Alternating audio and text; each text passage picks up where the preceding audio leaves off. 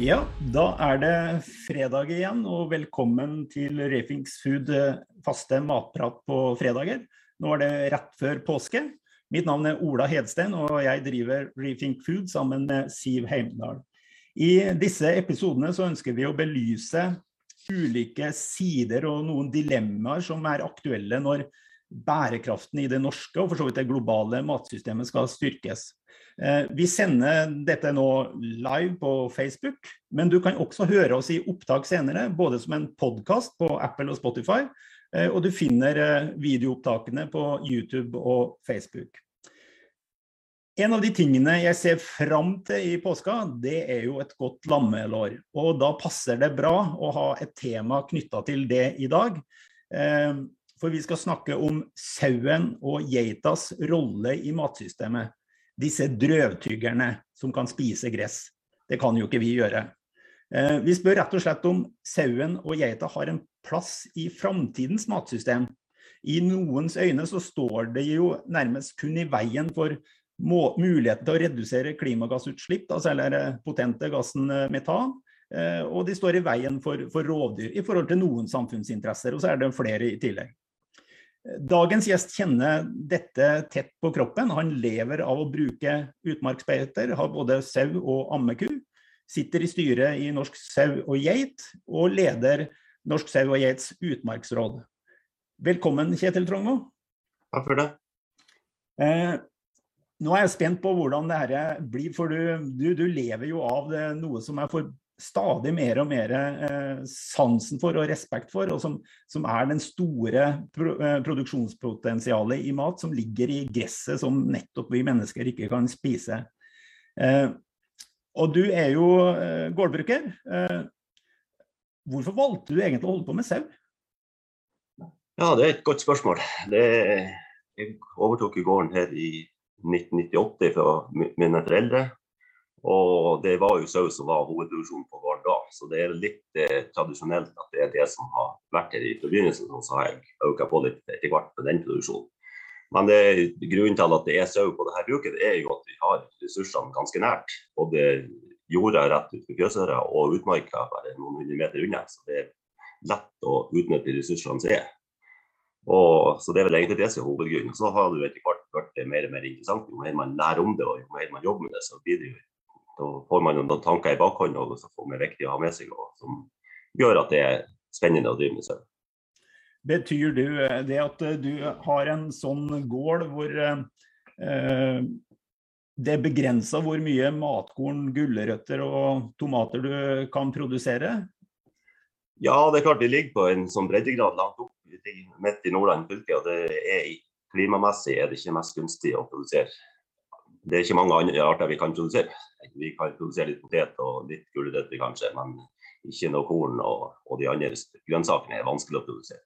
Så det er jo kjøttproduksjon som er bærebjelken i landbruket fra her og nordover. Ja, ja riktig. Det, det, eh, vi, vi, vi, går rett inn på sakens eh, kjerne, som jeg allerede har introdusert. og Det er jo dette berømte gresset, eh, som eh, er en ressurs. Eh, og hva er dine tanker? Altså når vi begynner å snakke om matsystem, det er jo litt sånn nytt ord i, i debatten om jordbruk og landbruk og, og, mat, eh, dette matsystemet.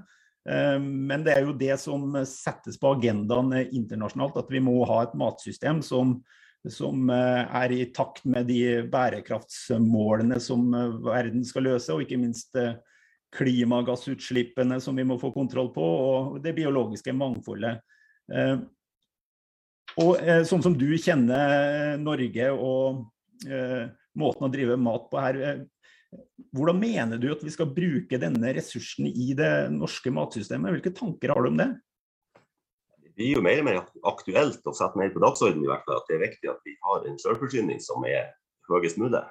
Og det er klart, I den, den sammenheng så er jo beitedyrene, og spesielt beite av utmark, kjempeviktig. For det er Beitedyrene de utnytter jo en ressurs som menneskene ikke kan utnytte. Og I utmark er det ikke så lett å drive med andre produksjoner. Så det er klart det er jo en vinn-vinn-situasjon. Vi får utnytta en ressurs i utmark, og vi får samtidig produsert menneskemat ut av det. Med ganske liten innsatsfaktor i forhold til eh, en del andre produksjoner som må inn med store mengder kraftfôr og sånne ting. Så i den ja. sammenheng så er det bra. Ja, for du, for du uh, uh, her Sauene spiser jo gress. Uh, det ser vi jo om sommeren, i hvert fall når vi er ute i, i skog og fjellheim hvor, hvor, de befinner seg. Men, men, bruker man kraftfôr og andre fôrressurser til sauene, eller er det mest gress de spiser det er jo mest gress, men det brukes litt kraftfôr for å øke melkemengden.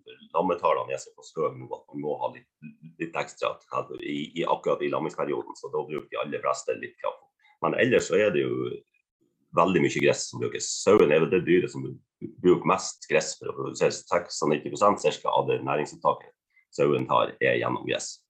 Og av det så er 40% av årsfôret tar den opp på utmark. Så den er jo en gressutnytter, i hvert fall. Og det er jo veldig bærekraftig på en måte.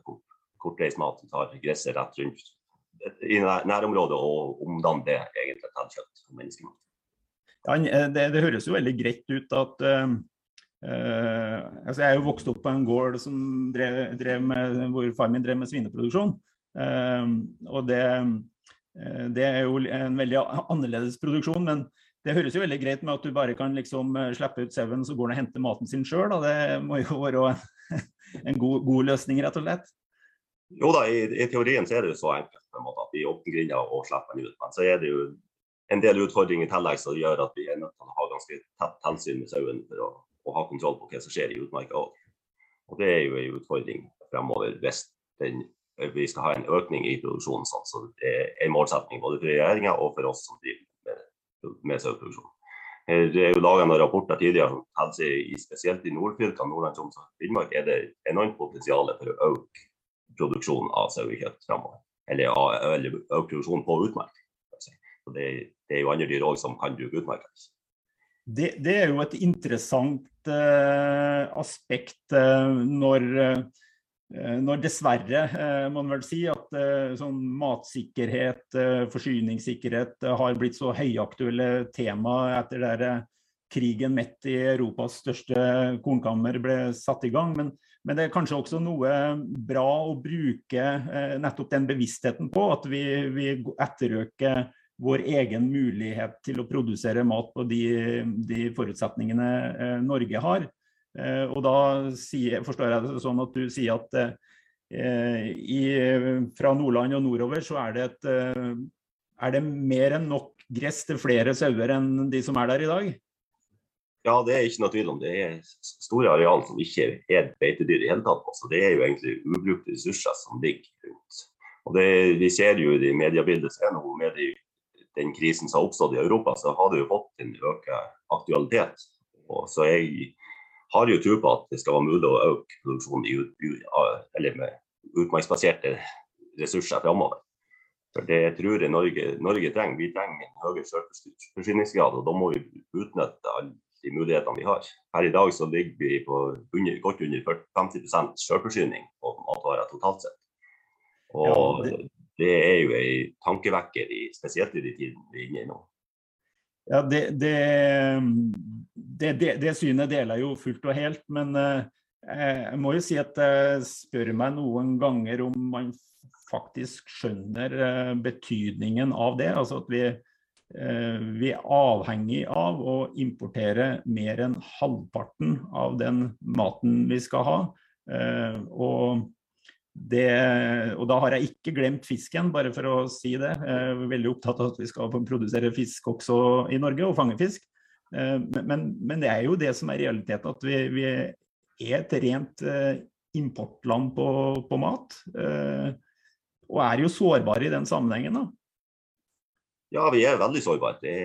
men så lenge at vi har betalingsmulighet og vi får tak i mat i butikkene, så tror jeg egentlig ikke går innover den vanlige befolkninga, på en måte, hva utsatt vi egentlig er. Det, men jeg tror jo at de, de krisene vi har hatt nå, har satt litt ekstra fokus på det. Både på politisk nivå og i befolkningen. Så jeg har jo tro på at det skal bli bedre framover.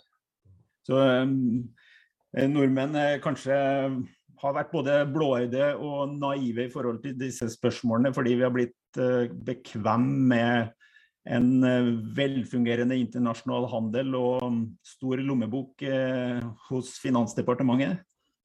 Ja, det er klart, Så lenge den balansen er der og, og det er matvarer på tak i, så er ikke det noe problem for oss som har penger.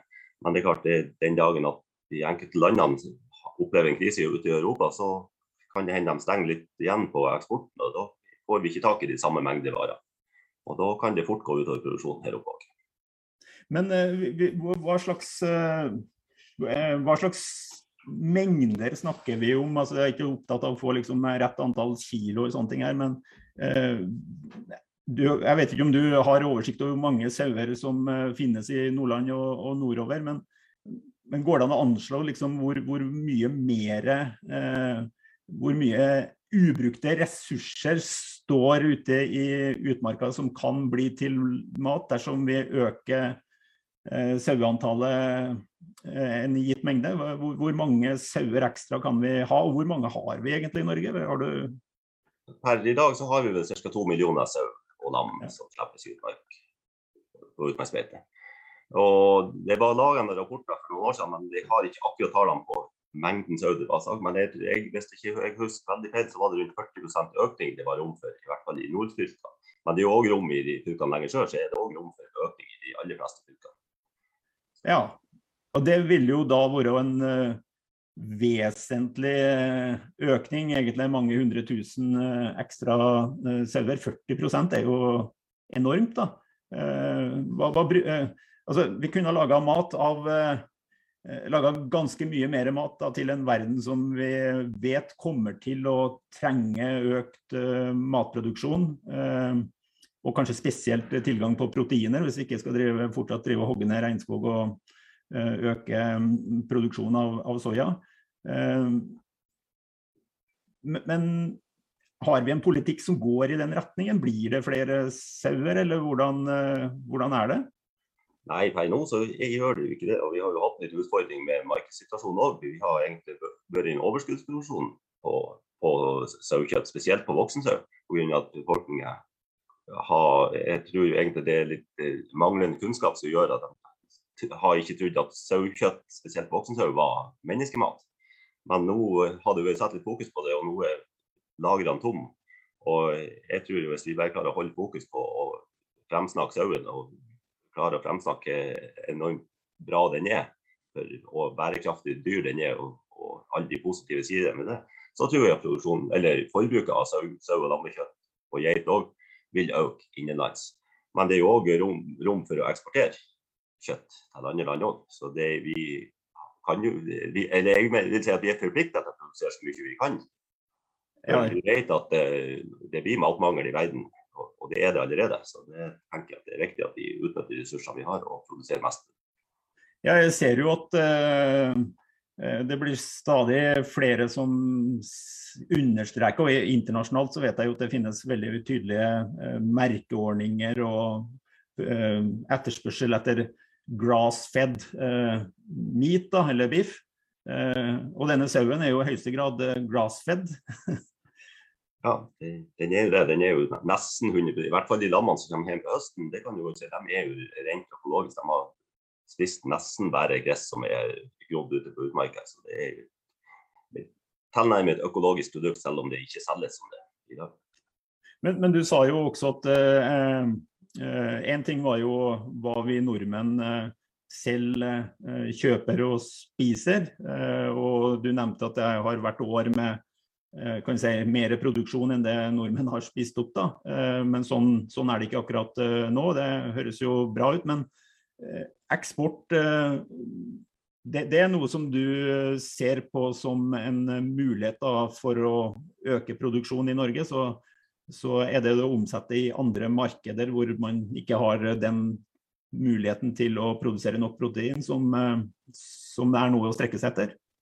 Ja, både, både, det er jo en kombinasjon. Vi må òg øke forbruket i, i landet, internt i landet, av norsk, norske småprodukter. For å slippe å importere så mye andre varer, så er det en, er det en lur tanke å, å bruke kortreist mat. For det, jo, jo, kortere vi transporterer maten begge veiene, jo bedre er det for miljøet totalt sett. Eh, men vi må jo også komme inn på at det er jo en grunn til at grunn til at det er ikke bare positiv oppmerksomhet til disse drøvtyggene, da som sauen og geita og kua er.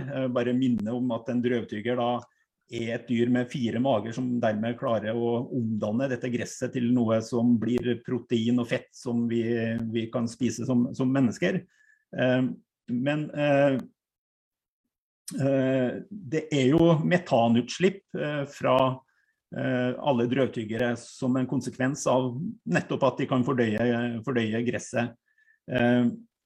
Det går jo ikke an å finne opp en sau som ikke slipper ut eh, metan, eh, går jeg ut ifra. Men eh, hva gjør dere i næringa for, å, for å, å, håndtere det problemet? Kan man redusere klimaavtrykket fra saueproduksjon? Ja, det er klart at Klima er veldig viktig, og det klimaet tar landbruket òg på alvor. Vi, landbruket står for ca. 8% av klimagassutslippene per i dag i Norge. Og vi, Landbruket var den første næringa som skrev under på en, en eh, klimaavtale med staten.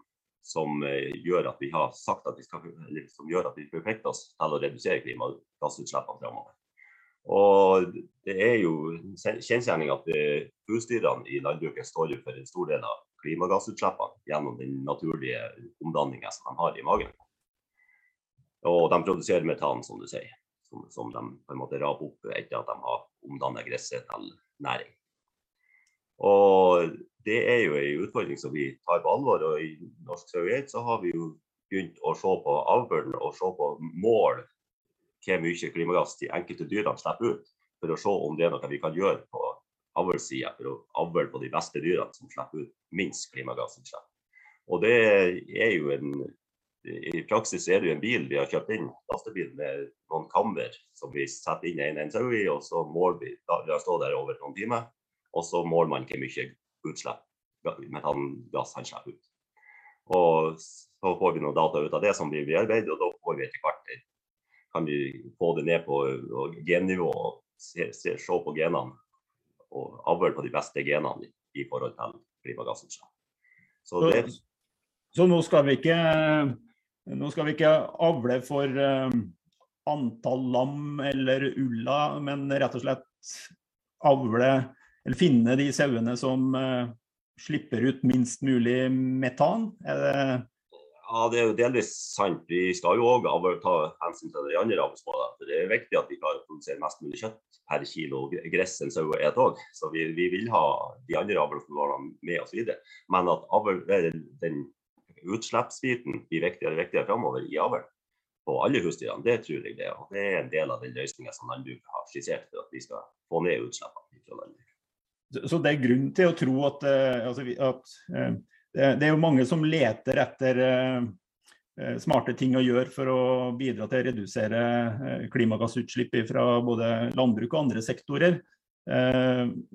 Og avl høres jo kanskje ikke så veldig kraftfullt ut. At du skal liksom drive og plukke ut noen som slipper ut et eller annet som du faktisk ikke ser at den slipper ut og sånne ting. Men eh, mener dere at det her kan redusere eh, klimaavtrykket fra sauen i, i, sånn vesentlig grad, eller er det sånn å Hva snakker vi om?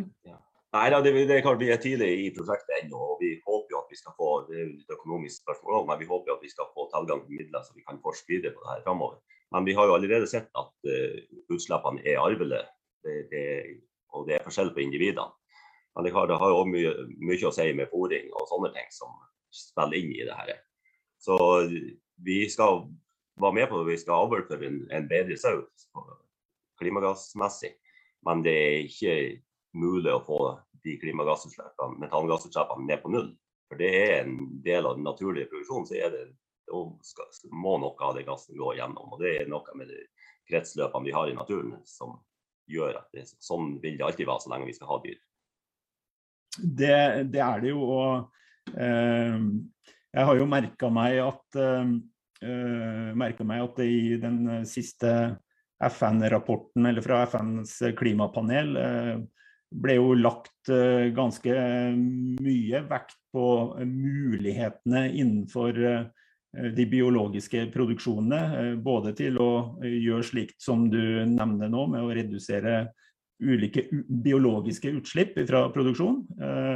Men, men, også karbonbinding i, i, i, måten vi bruker jorda på, eller gressproduksjon på, eller utmarka på. og det de framheva jo faktisk at her er potensialet kjempestort. Så da, da ville jeg sikkert blitt glad for å høre at dere er i full gang med å kartlegge mulighetene for å, å redusere eh, gjennom å avle på en klokere måte da, for egenskaper vi ikke har avla på før. Ja, jeg vil samtidig også skyte inn at det er jo, det, sauen eller beitedyrene er jo egentlig bare en liten del av det totale utslippet i, i dette sammenheng. Så det er klart de de gassene som beitedyra slipper ut, de er jo egentlig en del av det naturlige kretsløpet. Vi har en del metan i lufta uansett, uansett hva vi gjør noe. Og det går, inngår jo etter hvert i en del av fotosyntesen. og de som husker fotosyntesen på skolen, vet at CO2 og sollys og vann omdannes til sukker som plantene nyttiggjør seg. Så den eh, gassen som, metangassen som dyrene slipper ut, den blir jo, når den brytes ned i atmosfæren, så omdannes det til en del av CO2-en. Og blir igjen tatt opp av plantene på nytt igjen og spist av sauen eller, eller geita. Så det er jo en evig runddans. Så den eh, karbonen som, eh, nei, metan som sauen eller drøvtyggerne slipper ut, er ikke det store problemet. Problemet er all den metan som slippes ut fra andre kilder. Såkalte, eller lagrene som ligger under jorda. Ja, kull, olje og sånne ting som menneskene pakker inn i kretsløpet, som egentlig ikke er en del av det naturlige. I hvert fall på, på kort sikt. Ja, det, det, Der er du jo inne på noe helt sentralt uh, i å forstå matsystemet. Uh, jeg syns jo det er grunn til å la seg provosere uh, over litt sånn sjablåaktige sjablåaktige som beskrivelser av problemet, hvor, hvor, hvor, det ender opp med at at liksom den biologiske produksjonen eh, nærmest er årsaken til eh, de klimaproblemene vi har. og Sånn er det jo ikke. Det er jo de fossile utslippene som tilfører den ekstra mengden med CO2 som planter og tang og tare og alger ikke klarer å ta opp, og dermed samles opp i, i atmosfæren. Eh, hva skal vi gjøre med liksom at eh, den misforståelsen det er veldig vanskelig å få den til å slippe, syns jeg. Men eh, det er jo fossiler, fossile, utslipp som er problemet. Det er jo ikke, er jo ikke den biologiske produksjonen. Nei da, og det er jo det vi holder på med nå, bl.a. i tillegg til det er jo egentlig informasjon det skorter på. på en måte. Det er klart Drøvtyggerne har fått et uforholdsmessig stygt rykte på, på, seg. at de er, Når man prater med en vanlig mann som ikke har på gata, så det første de tar opp når de snakker om klimagassutslipp, så er det, er det drøvtyggerne. Ja. Og det er jo en holdning som er skapt sannsynligvis av media og kanskje litt uh, mangel på kunnskap i, hos dem som har skrevet òg, over mange år. Så det der er jo en sak som vi må jobbe med hele tida og prøve å, å, skape litt mer balanse i debatten på, på den sida. Og det prøver vi jo, og det, ser vi jo at det er flere og flere som, som tar tar opp og, og, og henger seg på. Men det er klart, vi må kanskje være enda flinkere å komme inn allerede i skolealder og få den neste generasjonen og få, få kunnskapen, bygd opp kunnskapen allerede på skolenivå. Ja, Det var jo en merkelig debatt for uh, noe Det begynner å bli mange år siden, men uh, da, var det, da var det noen politikere, jeg tror ungdomspolitikere som mente at man måtte for, Eh, gjøre noe med utdanninga så folk lærte de viktige tingene. og Forslaget var å ta ut eh, naturfag og lære om fotosyntesen rent konkret. Eh, vi er forhåpentligvis ikke så gærent stilt i, i, dag som man var når man tok opp den hårreisende ideen, men, men, det er jo ikke eh, Det er jo sånn at folk tenker jo ikke på fotosyntesen og kanskje drøvtyggerne som en ren forlengelse av fotosyntesen. og at det at vi har drøvtyggere, gjør at vi ikke trenger å eh, hogge ned så mye eh, regnskog for å klare å produsere nok mat eh, til verdens befolkning. Det er jo ikke, det er ikke en sånn allmennkunnskap eh, jeg møter hos folk på, på Sagene i Oslo, eh, men det er kanskje mer forstått i Nordland for alt jeg vet? Ja, det er klart, men det, det ser jo også ute i distriktene.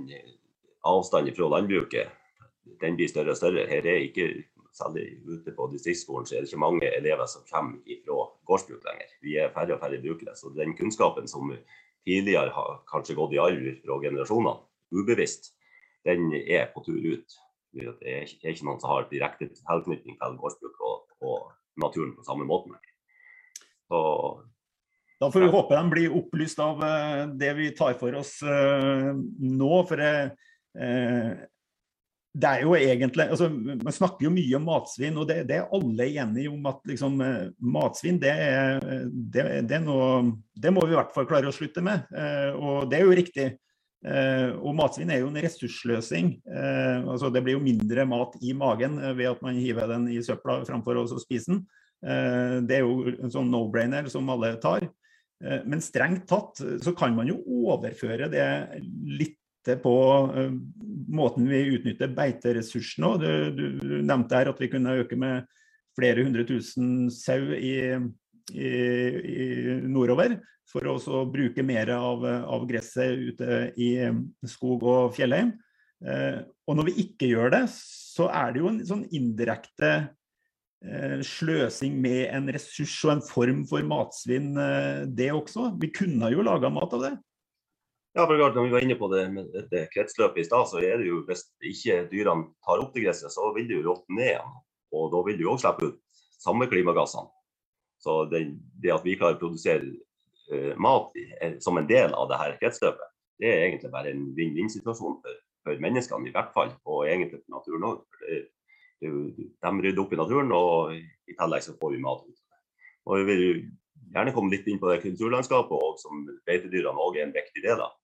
For det er klart De opprettholder et åpent kulturlandskap i hele landet, sånn som vi har produksjon i dag.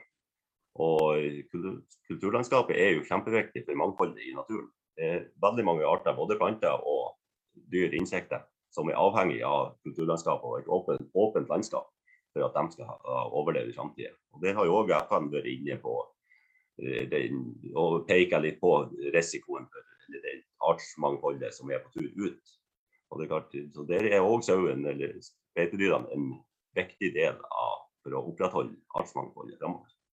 Så artsmangfoldet er større i, kan du si, en, eh, i et kulturbeite, vet jeg det heter. altså Der hvor, hvor dyrene går og, går og spiser gresset, framfor at det var vokst igjen av eh, lett skog og, og kratt, så, så, er det et større artsmangfold i åpne beiter enn i en eh, en skog, rett og slett? Ja, det er mye større mangfold i kulturlandskap. Ja. Eh, og, og, når eh, eh, Legger du merke f.eks. til at altså, noen av oss blir jo litt sånn opphengt i at landet gror igjen, og at det er jo ikke så mye, mye å se fra disse cruisebåtene da på Vestlandet fordi det, kulturlandskapet er borte. Eh, hadde vi mye mer beitedyr eh, før, eh, eller er det sånn at vi har sånn omtrent det samme som for 50 og 100 år siden? Totalt beitedyr har holdt seg sånn ca. like mye pga. at de, de som har vært igjen, har blitt større og større. Men det er jo, beitedyrene er konsentrert mer nå enn de var tidligere. Tidligere så var det små besetninger over hele landet. på alle, alle husene på en måte har tre-fire sauer i tillegg til sjølhushold. Og det er jo borte nå.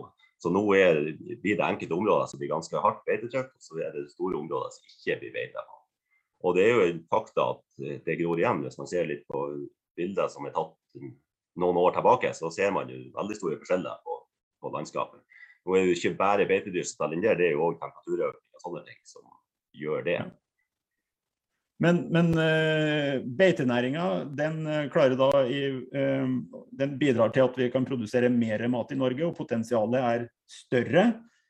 og hvis vi da har flere beitedyr og utnytter mer av de ressursene, så får vi ikke bare mer mat som vi kan spise som nordmenn og selge til land som trenger proteiner, men du, da også, du bidrar da også til å nå FNs eh, mål for eh, artsmangfold og biologisk eh, mangfold? Ja, det er helt klart at det gjør. og det er En annen viktig del i det der kulturlandskapet det er jo at et åpent landskap òg reflekterer mer sollys. Den såkalte albedo-effekten, som noen har hørt om. Og det gjør jo, jo åpnere landskap du har, jo mer sollys reflekteres ut i atmosfæren og varme. Så jo, jo, mer som gror igjen, jo mer varme absorberes på jorda. Altså vi får en økt drivhuseffekt, økt temperatur på jorda. Så beiting er bra for den òg. Det, det, det, aner meg jo, altså, Konklusjonen blir at vi absolutt bør ha sau og geit i det, det, norske matsystemet framover eh, også. Men, men, skal vi øke antallet eh, for å utnytte disse ressursene bedre, så blir det selvfølgelig viktig at dere lykkes med, med disse avlstiltakene og fôringsløsninger som gjør at vi får så lite eh, metanutslipp fra den biologiske produksjonen som, eh, som mulig. Eh, men det å bruke utmarka Jeg ser at tida bare flyr fra oss litt her, men, men det å bruke utmarka altså, er, det, kan, er, det, ny teknologi eller metoder som, som, kan tas i bruk her, sånn at man lykkes med å bruke utmarka mer liksom reduserte ja, Både gjøre hverdagen enklere for bonde og eventuelt redusere de konfliktområdene som ligger da i forhold til Eh, til både beitedyr og annen anvendelse av, eh, av, kulturlandskapet? Ja, det er det i høyeste grad. og det er klart Vi ser jo at presset på utmarka blir større og større fra mange hold. Det er både i industri og det er boligbygging, hyttebygging, veibygging, sånne ting som legger beslag på større og større areal. Og på en måte fortrenger dyrene, beitedyrene ut. Og Det er jo en bekymring som vi har, at det, det må jobbes for at det skal bli bedre framover. Du er inne på teknologi og sånne ting, og det, den begynner å komme nå. Teknologien går fort framover. og det, det, har vært tatt i bruk en god del som telespor, eller to, telebjeller, så at vi kan spore dyrene. Vi kan sitte hjemme på, på datamaskinen og se hvor, hvor dyrene går og hvilke områder de bruker. Og nå jobbes det òg opp imot at de legger de informasjon fra de bjellene hvor dyrene går, de legger dem over på og ser i forhold til beite, i forhold til bruken av arealene. Så det er noen spennende prosjekt på gang der. og da I framtida kan vi kanskje begynne å se på at det er areal som når du går inn på de kartene, så vil du se at det er areal som er veldig mye brukt av beitedyr, og så har du noen areal som kanskje ikke er brukt av beitedyr i det hele tatt. Så at du kan styre den bruken av utmarka og ut, nedbygging av utmark til de områdene som er minst viktig for beitedyra. Så det tror jeg kan være med på å redusere konfliktnivået framover. Men det er litt tidlig for å kjøre ut i full skala ennå, men det, det kommer. Ja, men det, det går an å selv en næring som mildt sagt har eksistert i mange hundre år og brukt eh, beiteressurser, så, så går det an å utvikle den næringa også videre. Og det finnes eh, nye metoder gjennom teknologi som, som gjør at dere kan både drive mer effektivt og mer skånsomt, rett og slett. Ja, det gjør det. Og vi er jo også veldig opptatt av at vi skal på en måte bli tatt med i det planarbeidet som gjøres i, i, ute i kommunene. Det, vi føler egentlig at beitenæringa har vært litt sånn utenfor det planarbeidet som blir gjort. At vi på en måte ja, aldri har fått vår plass. For Nå er, bygges det ned så mye at det er viktig at vi tenker det, Den jorda som blir bygd ned, hun blir ikke brukt til beite eller matproduksjon senere. Så det er viktig at den utbyggingen som foregår, at den blir gjort på uproduktive områder.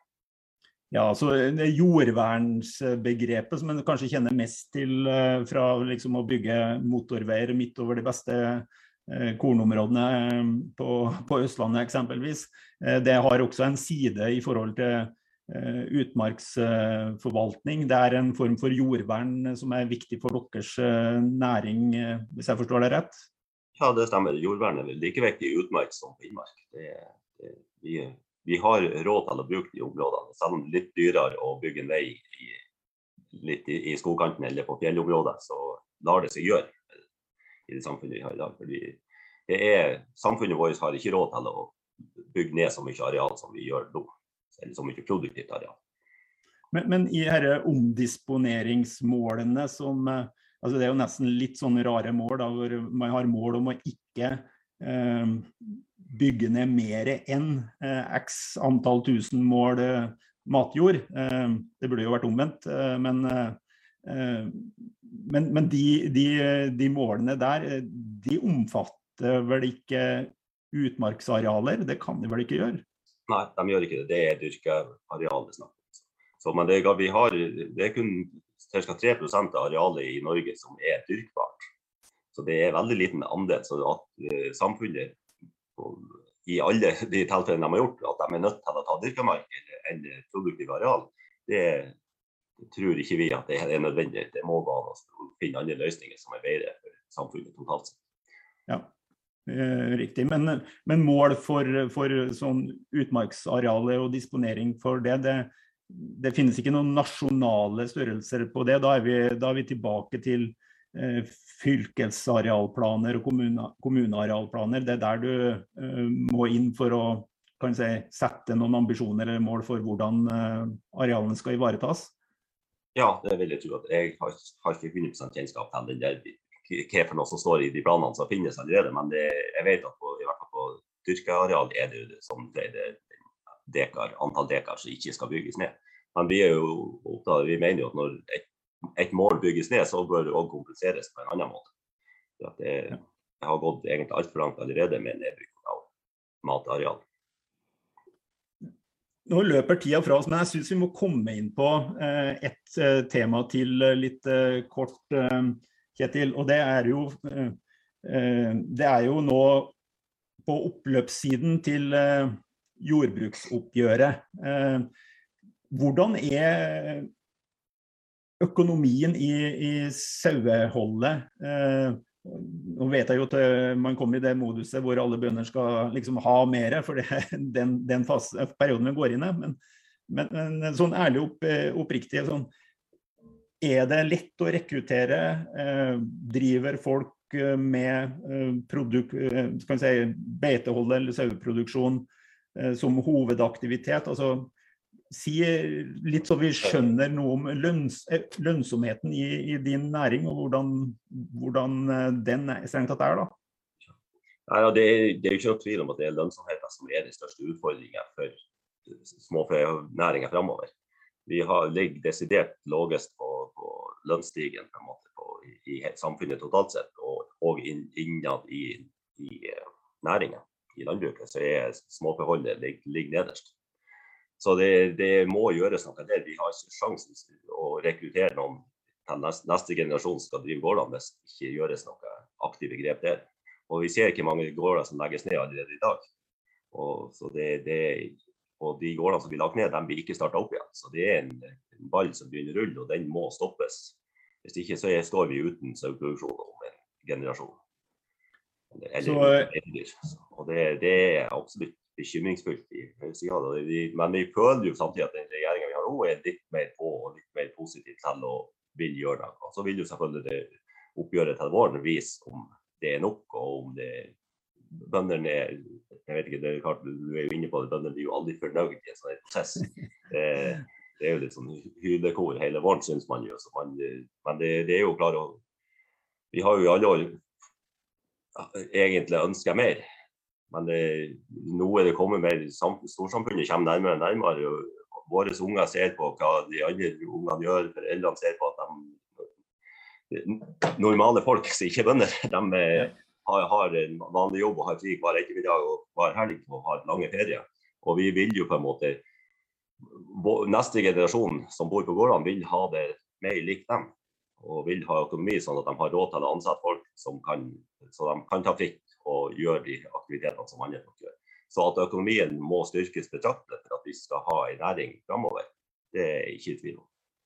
Eh, hvis jeg forstår deg rett, så, så er eh, realiteten er sånn at fortsetter utviklingen sånn som den har vært de siste 10-15 åra, så vil vi gradvis få mindre og mindre eh, bruk av eh, beiteressurser og færre og færre eh, sauebønder?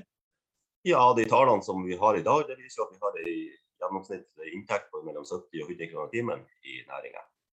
Og det er klart, Når du sammenligner den med normal industriarbeiderlønn, så ser man jo at det er ganske store forskjeller. Og i tillegg så er det den fritidsbiten at vi på en måte må jobbe ja, nesten 365 dager i året. Og har ikke noe overtidstillegg eller helgetillegg og sånne ting. Så, men dyrene må jo ha stell uansett.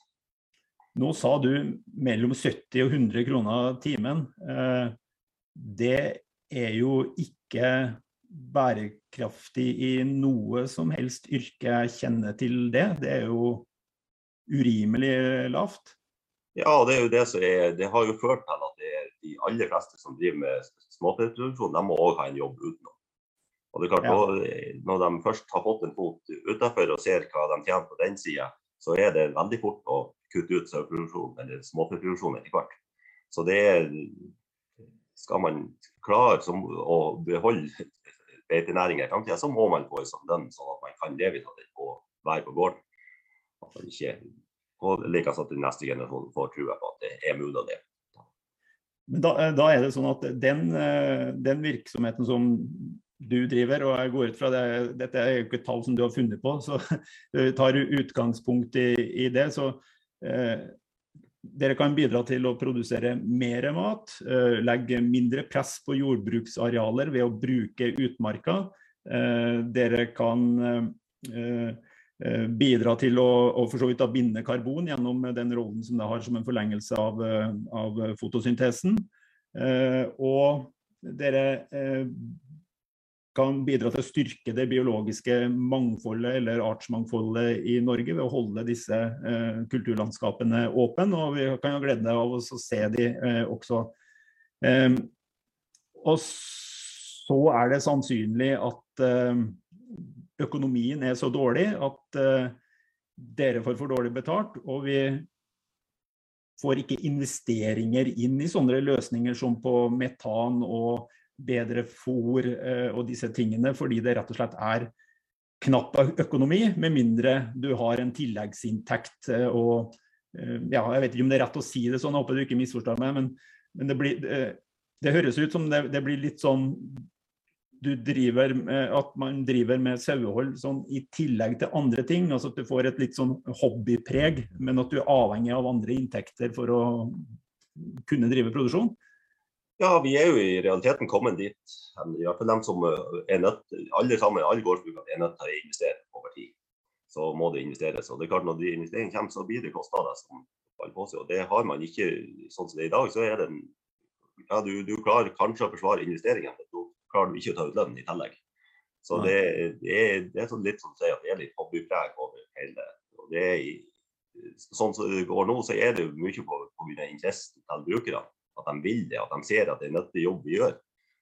Det men det tror jeg ikke vi kan satse på fremover. I neste generasjon så tror jeg ikke de, vi kan satse på at det er det som skal, skal berge næringa. i hvert fall. Vi må ha en bedre inntjening for, for også for våre grupper. Vi må slutte av, men alle sitter da og alle, i hvert fall veldig mange, sitter da og sier at det er viktig at vi gjør med, nei, matsystemet mer bærekraftig. Eh, EU har sagt at eh, matsystemet i EU er dysfunksjonelt, og det må bli mer bærekraftig. Ehm, det tar merkevareeiere, industri og foredling og forbrukere har den oppmerksomheten på. Men der hvor man da må lage forbedringer og styrke eh, de sidene som bidrar til en eh, mer bærekraftig matproduksjon, har vi da dårlig økonomi og lite investeringsevne i annerledes produksjonsmetoder. Ehm, da er vi jo ikke på et bra spor i forhold til å nå ganske ambisiøse mål på vegne av samfunnets eh, utseende i 2030.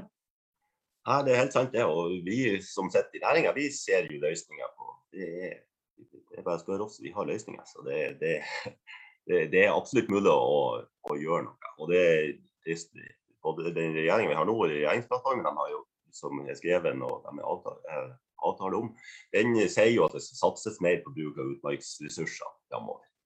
Og det har vi jo tro på at vi skal få til. Og vi er klare for så vidt til å, å i produksjonen når, når vi får lagt til rette for å gjøre det.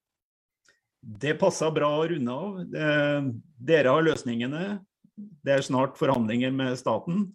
Eh, jeg håper at eh, lyttere og forbrukere er med på eh, å se viktigheten av å utvikle beitenæringen på en sånn måte at de utgjør en vesentlig del av matsystemet framover.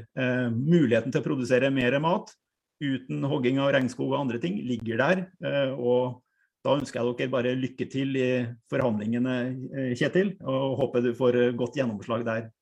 Takk for det. Og så vil jeg bare oppfordre alle til å fare ut og kjøpe fint påske, eller lammelår til påske. Så blir det bra der. Ha det godt. Ha det, ja.